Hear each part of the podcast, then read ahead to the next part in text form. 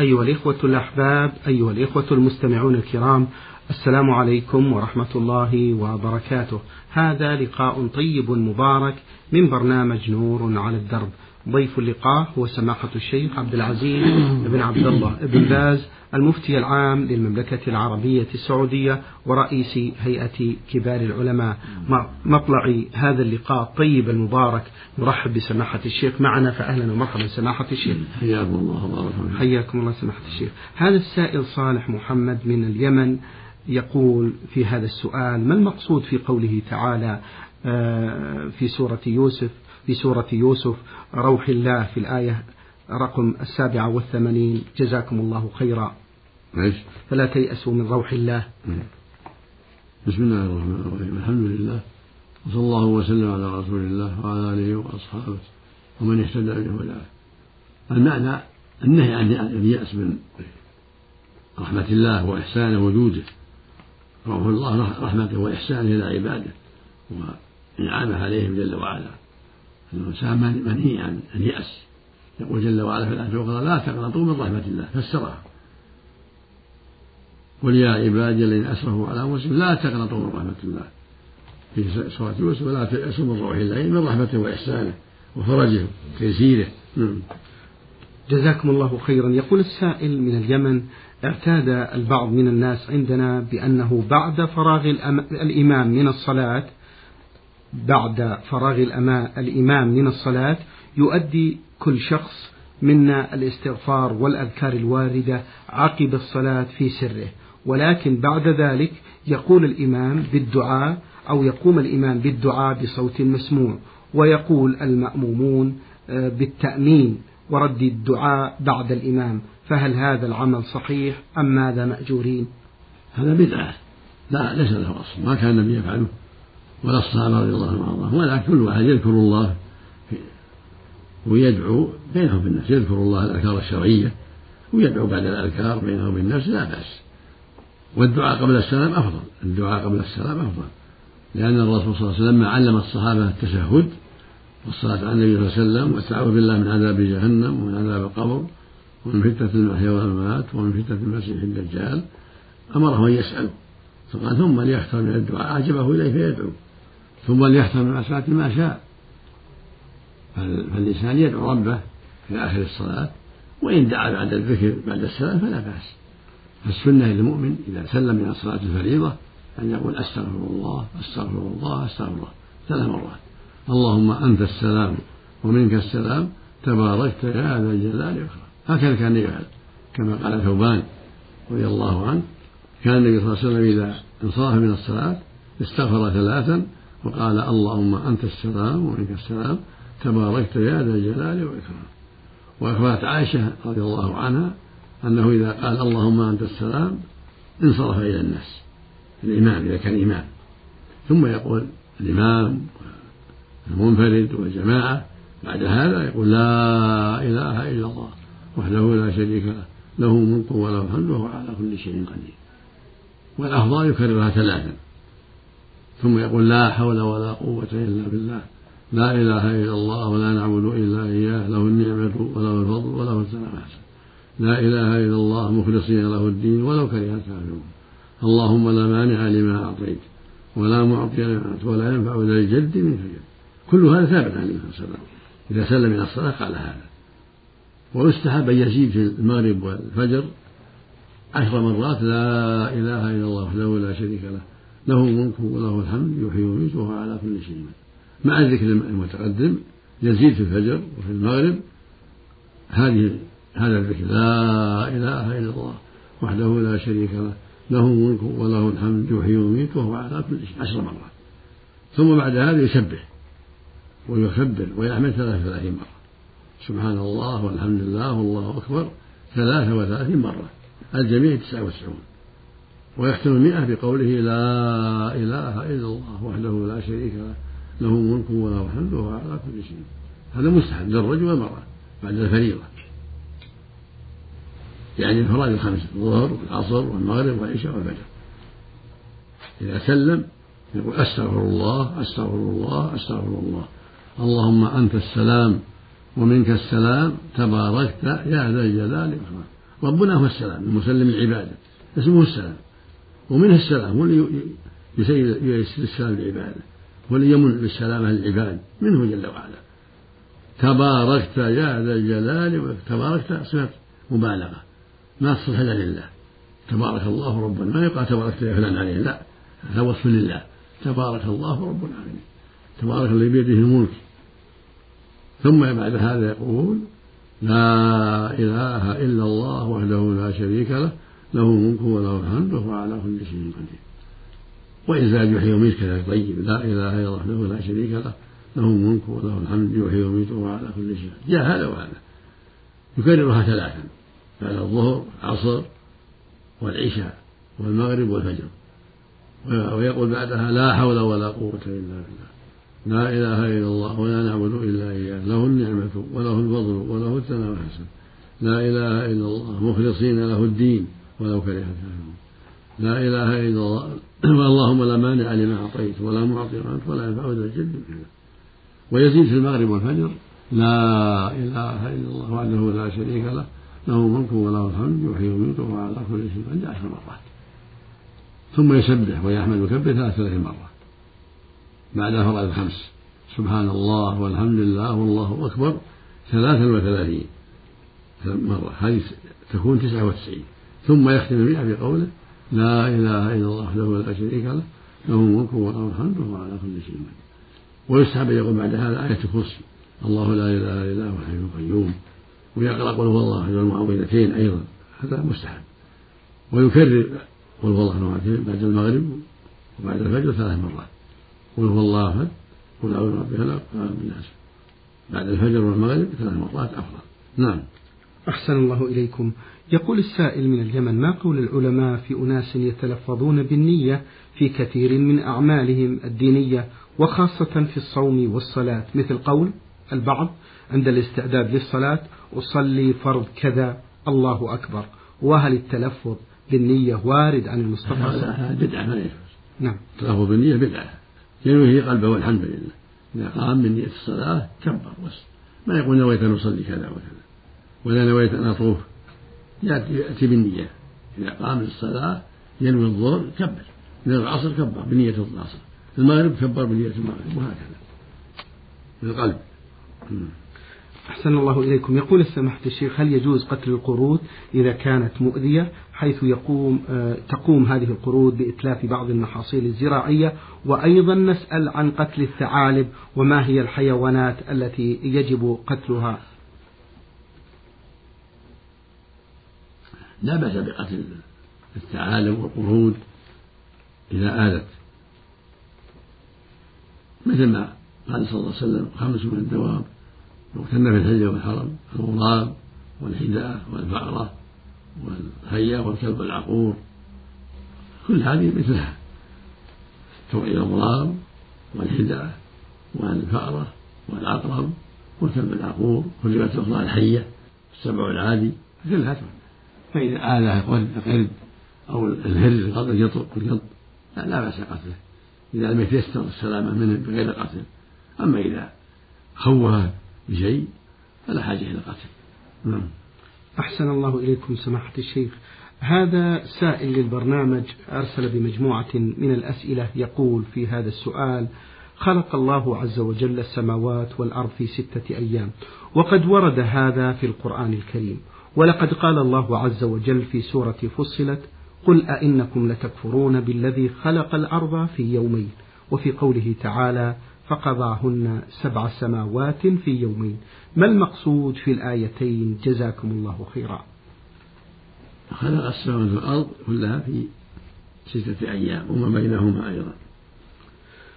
فبدأ بخلق الأرض في يومين ثم استوى إلى السماء وخلق السماء في يومين. ثم دعا الأرض في أربعة أيام والأرض بعد دعاها أخرج منها ماءها ورعاها في أربعة أيام سواء للسائلين. فالأرض خلقها يوم في يومين ودحوها في أربعة أيام. دحاها بعد الخلق. دحاها أخرج منها ماءها وبرعها والجبال أرسلها هذه ستة أيام. السماوات والأرض في ستة أيام. السماء في يومين والأرض في يومين ودحو الأرض في أربعة أيام. سبحانه وتعالى. فالله جل وعلا دحاها يعني أخرج منها ماءها ومرعاها. فخلقها ودحها في أربعة أيام. نعم. والسماء في يومين. نعم. الجميع ستة أيام. جزاكم الله خيرا. آه قال بعد فقضاهن سبع سنوات في يومين وأوحى في كل سماء أمرها نعم الله أكبر. الله أكبر. جزاكم الله خيرا سماحة الشيخ. السائلة فاطمة عبد الله تقول من ترك طواف الإفاضة في الحج هل عليه شيء؟ وجزاكم الله خيرا. طواف الإفاضة ركن لا بد منه. اللي ترك يعود. إذا سافر ولم يطوف طواف الإفاضة طواف الحج يعود. سواء الرجل ولا المرأة. ما يتم حجه إلا يعود ويطوف. ولو كانت امرأة أتاها زوجها قبل أن تطوف يكون عليها عليها دم يذبح مكة للفقراء مع التوبة. وإن كان زوجها ما ما طاف كذلك عليه دم أيضا. والتوبة إلى الله. فطواف الإفاضة ركن. بإجماع المسلمين. لا بد منه. لقوله جل وعلا ثم ثبتهم وليوفوا نذورهم وليطوفوا بيت العتيق. هذا طواف الإفاضة. وطاف النبي طاف الإفاضة. في يوم العيد وقال خذوا عني مناسككم اللهم صل عليه وسلم. أما طواف الوداع لو تركه عند الخروج يأثم وعليه جمع ويصح الحج. أما طواف الإفاضة طواف الحج هذا لا بد منه. نعم. أحسن الله إليكم. السائلة سين عين من الدمام تقول ما حكم من حلف بالله على شيء واحد أربع مرات أو أكثر؟ هل يصوم عن كل يمين ثلاثة أيام أم على الجميع ثلاثة أيام؟ مع العلم بأن هذا الشيء واحد وليس شيء منفصل. إذا كان المحلوف عليه واحد كفرته وحده يعني إذا قال والله ما أكلف فلان والله ما أكلف فلان والله ما أكلف فلان. مرات كثيرة كفرت واحدة. إذا كلمه. كفرت واحدة. أو قال الله والله ما أكل هذا الطعام. والله ما أكل هذا الطعام. والله ما ولزم عليه قال والله يحلف. ثم هداه الله كل كفر كفارة واحدة. كفارة واحدة يعني فعل واحد. أما لو قال والله ما أكل هذا الطعام. والله ما أكل لفلان والله ما أسافر. هذه الكلمة لها كفارة. لأنها أفعال متعددة. والله ما أسافر عليه كفارة. والله ما أكل وكل عليه كفارة. والله ما أكلم فلان وكلم عليه كفارة لأنها مختلفة. فهمت؟ نعم. أحسن الله إليكم سماحة الشيخ عبد العزيز. يكثر بعض الناس من كثرة الحلف في أموره كلها. لا يجوز لا يجوز. المسلم ينبغي له أن يحفظ يمينه الله يقول واحفظوا أيمانكم. ويقول النبي صلى الله عليه وسلم ثلاثة لا يكلمهم الله ولا ينظر يوم القيامة ولا يزكيهم ولهم عذاب أليم وشيمة زاني. شيمة شيخ شايب وعائل مستكبر فقير مستكبر. ورجل جعل الله بضاعة لا يبيع إلا بيمينه ولا يشتري إلا بيمينه يعني يكثر منها. فالواجب الحذر من ذلك. لأن ربنا يقول واحفظوا أيمانكم. ولأن إذا أكثر منها هذا من وسائل التساهل بها. والحلف على الباطل والكذب. فالواجب الحذر. وألا يتكلم ولا يحفظ وألا يحلف إلا على شيء بين. يعرف أنه صادق فيه. ويعرف أنه وحلفه له مصلحة. كان يقول والله ما أفعل هالشيء كذب. والله ما أشرب الخمر. والله ما أشرب الخمر. والله ما أقوى لدي. أكد على نفسي. لا بأس. والله ما أكلف لا صاحب بدعة. وما أشبه ذلك. نعم.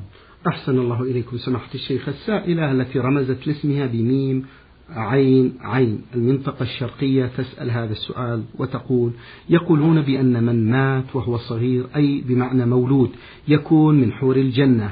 هل هذا القول صحيح؟ لا ليس بصحيح. حور الجنة. نساء خلقنا في الجنة في الجنة. أما هو يكون من أهل الجنة. الطفل شفيعا لوالديه إذا كان مسلمين ويكون من أهل الجنة. من جنس بني آدم. مثل ما يحصل بني آدم وغيره. له من أهل الجنة يتنعم في الجنة وله من الحور هم من أبناء الدنيا. أحسن الله إليكم. لماذا سمي عيسى عليه السلام بالمسيح؟ لما أنه كان عليه الصلاة والسلام إذا مسح الأكمة والأبرص عافاه الله. يبرئ الأكمة والأبرص. فإذا مسح عليهم أبرأهم الله. والأعمى كذلك نعم. لهذا لهذا. وسمي المسيح الدجال لأنه يمسح الأرض. يدور, يدور في الأرض. نعم. إيهاب عبد الحميد مصري ومقيم بالمملكة له مجموعة من الأسئلة. يقول سماحة الشيخ في السؤال الأول تجصيص القبر. هل يجوز بناء القبر بالطوب الأحمر أو الإسمنت إذا كانت الأرض رخوة أو بها بلل؟ عندنا في بلادنا يكثر مثل هذا أفتونا مأجورين. تجسس القبور لا يجوز والبناء عليها لا يجوز لأن الرسول نهى عن نهى عن تجسيسها والبناء عليها ولا يجوز اتخاذ المساجد عليها لأنها وسيلة الشرك لكن إذا كانت الأرض رديئة غير متماسكة لا بأس أن تربط شيء من مما يمسكها من ألواح أو خشب أو حجر شيء يضبط الأرض حتى يوضع فيها الميت. نعم. أحسن الله إليكم. يقول الذي يحتضر الذي يحتضر هل يوجه وقت احتضاره إلى القبلة؟ وكذلك الميت في قبره هل يوجه إلى القبلة؟ هذا هو السنة نعم. السنة يوجه القبلة. القبلة قبلة المسلم أحياء وأمواتا. فالمحتضر يوجه إلى القبلة ولو في القبر يوضع على جنبه الأيمن إلى جهة القبلة. هذا السنة. نعم. يقول في سؤاله هذا سماحة الشيخ تارك الصلاة لو أن جاري معاند وقمت بدعوته أكثر من مرة ونصحته وهو يزداد سخرية فهل هذا الشخص يقاطع؟ نعم يستحق الهجر. ما دام نصحته ولا يأبى ويتكبر يستحق الهجر. مثل ما هجر النبي عليه الصلاة والسلام كعب بن مالك وصاحبه خمسين ليلة حتى تاب الله عليه. لكن إن تيسر النصح وأنه ينفع النصح فيصح وما وإذا يئست منه ولم ينفع فيه النصح هو يستحق الهجر نسأل الله العافية. نعم. اللهم أمين. جزاكم الله خيرا. هذه السائلة هم سحر من الرياض تقول في سؤال لها زوجي متدين وأحيانا تطلب منه امرأة عجوز عمرها في حوالي الثمانين سنة أن يذهب بها إلى السوق. هل هذا يعتبر خلوة أم لا؟ لأنهم لوحدهم في السيارة. جزاكم الله خيرا. سماحة الشيخ نعم ما يخلو. ولو أنها عجوز. لا يخلو بها. لكل ساقطة لاقطة ما يصلح. الرسول صلى الله عليه وسلم لا يخلو رجل امرأة فإن الشيطان ثالثهما ولم يفرق بين العجوز والشابة. يركب معهم ثالث. لا بد يركب معهم ثالث. نعم. جزاكم الله خيرا. تقول السائلة ابن خالي رضع مع أخي الأكبر هل يكون أخا لي ولإخواني من الرضاعة؟ إيش؟ تقول السائلة ابن خالي رضع مع أخي الأكبر هل يكون أخا لي ولإخواني من الرضاعة؟ إذا رضع الإنسان ابن الخال أو ابن العم أو غيرهم إذا رضع من المرأة رضعا تام خمس مرات فأكثر في الحولين صار أخا لأولادها كلهم. اللي قبله واللي بعده إذا رضع من فاطمة من زينب مثلا خمس رضعات أو أكثر حال كونه في الحولين قبل أن يفطم يكون أخا لأولادها جميعا السابقين واللاحقين. اللي قبله واللي بعده. من زوجها صاحب اللبن أو من أزواج آخرين. نعم. أحسن الله إليكم. هذا سائل للبرنامج. السائل أبو عبد الله من القصيم بريدة يقول رجل دخل المسجد والإمام في الركعة الأخيرة من الصلاة والصف قد اكتمل آه، والصف قد اكتمل آه، في الصلاة. هل أصلي خلف الصف منفردا وهل صلاتي صحيحة؟ ليس لك عليك انتظر لعل الله يأتي بأحد يصلي معك. لا صلي وحدك خلف الصف. والنبي صلى الله عليه وسلم لا لا صلاة لمنفرد خلف الصف ولما رأى الرجل يصلي خلف الصف وحده أمره أن يعيد الصلاة. فأنت تلتمس فرجة أو تنتظر لعله يأتي أحد فإن لم يتيسر صل وحدك والحمد لله. نعم. السائل الأخت السائلة التي رمزت لاسمها بواو واو واو من الرياض تقول في هذا السؤال من زاد واجبا من واجبات الصلاة عمدا هل تبطل صلاته كمن زاد ركنا عمدا؟ هذا في التفصيل. إذا زاد ركوع ثاني متعمد أو سجود ثالث عمدا يبطل صلاته. أما إذا كرر التسبيح سبحان ربي العظيم كثير وسبحان ربي هذا طيب ما في شيء. أما إذا زاد ركن ما يشرع تكراره أو واجب ما يشرع تكراره تبطل الصلاة. التشهد الأول واجب. فلو جلس في الثالثة أو في الأولى متعمدا مو بجلسة الاستراحة بل جلسة زائدة غير الاستراحة تبطل صلاته. أو زاد ركوعا أو زاد سجودا ثالثا في الركعة أو ركوعا ثانيا في الركعة متعمدا بطل الصلاة. أحسن الله إليكم سماحة الشيخ. تقول في سؤالها الثاني ما هي فروض الغسل من الحيض والجنابة؟ الفرض تعميم تعميم الجسد. من الجنابة والحيض والنفاس. يعم بالماء. إذا عم الجسد بالماء بنية الطهارة كفى. المرأة والرجل عن الجنابة والمرأة عن الحيض والنفاس إذا عمت جسمها بالماء واغتسلت بنية الطهارة كفى. لكن الأفضل أن يبدأ بالوضوء إذا كان جنوب أو يبدأ بالوضوء الوضوء الشرعي ثم يعم الجنة بالماء. نعم. جزاكم الله خيرا. أبو معاذ من حائل يقول صديق لي أنهى خدمته من العمل واستحق مكافأة نهاية الخدمة وكان يريد السفر خروج نهائي وقد صرفت له تذاكر له ولزوجته. يقول صديق لي أنهى خدمته من العمل واستحق مكافأة نهاية الخدمة وكان يريد السفر خروج نهائي وقد صرفت له تذاكر له ولزوجته وأنهى الستة شهور في سكنه وطلب مني أن أعطيه المبلغ ويكتب لي وكالة شرعية بالمبلغ الذي له لأن صرف هذا المبلغ يحتاج إلى شهرين على الأقل وإن بقي فسوف يدفع أجرة المبيت ويفقد تذاكر تذاكر السفر. فأعطيته المبلغ كاملا وكتب لي وكالة شرعية بذلك المبلغ كاملا وقبل سفره قدم لي هدية وأنا لا أعلم شيئا هذه الهدية من حيث النوع ومن حيث الثمن فأخذتها. فهل علي إثم في ذلك؟ تعيد سؤاله. نعم سماحة الشيخ. يقول صديق لي أنهى خدمته من العمل واستحق مكافأة نهاية الخدمة وكان يريد السفر خروج نهائي وقد صرفت له تذاكر له ولزوجته وأنهى الستة شهور في سكنه وطلب مني أن أعطيه المبلغ ويكتب لي وكالة شرعية بالمبلغ الذي له لأن صرف هذا المبلغ يحتاج إلى شهرين على الأقل وإن بقي فسوف يدفع أجرة المبيت ويفقد تذاكر تذاكر السفر. فأعطيته المبلغ كاملا وكتب لي وكالة شرعية بذلك المبلغ كاملا وقبل سفره قدم لي هدية وأنا لا أعلم شيئا عن هذه الهدية من حيث نوعها وثمنها فأخذتها. فهل علي إثم في ذلك؟ ليس عليك شيء. ما دام ما في شر إنما هو من نفسه لا لأنك أحسنت إليه والله جل وعلا يحب من عباده أن يكافئوا بالإحسان. مثل ما قال صلى الله عليه وسلم من صنع إليكم معروفا كافئوه فإذا أحسن إليك إنسان وأعطيته مكافأة فلا بأس. النبي صلى الله عليه وسلم كان يقترض ويكافئ. الممنوع الشرط تقول له ما أحسن لك إلا تعطيني زيادة. هذا ما يجوز. أما أقرضته وأحسنت إليه ثم أعطاك هدية لا حرج عليه. نختم هذا اللقاء بسؤال للسائل أبو عبد الله من القصيم بريدة يقول من هم الخوارج؟ وهل هم كفار أو مسلم أو أو مسلمين؟ وجزاكم الله خيرا. الخوارج طائفة عندها غلو مجتهدة في الدين عندهم اجتهاد في الصلاة والقراءة وغير ذلك ولكن عندهم غلو. يكفرون أهل المعاصي من شدة غلوهم يرون من زنى كفر من شرب الخمر كفر من عق والديه كفر يكفرون بالذنوب.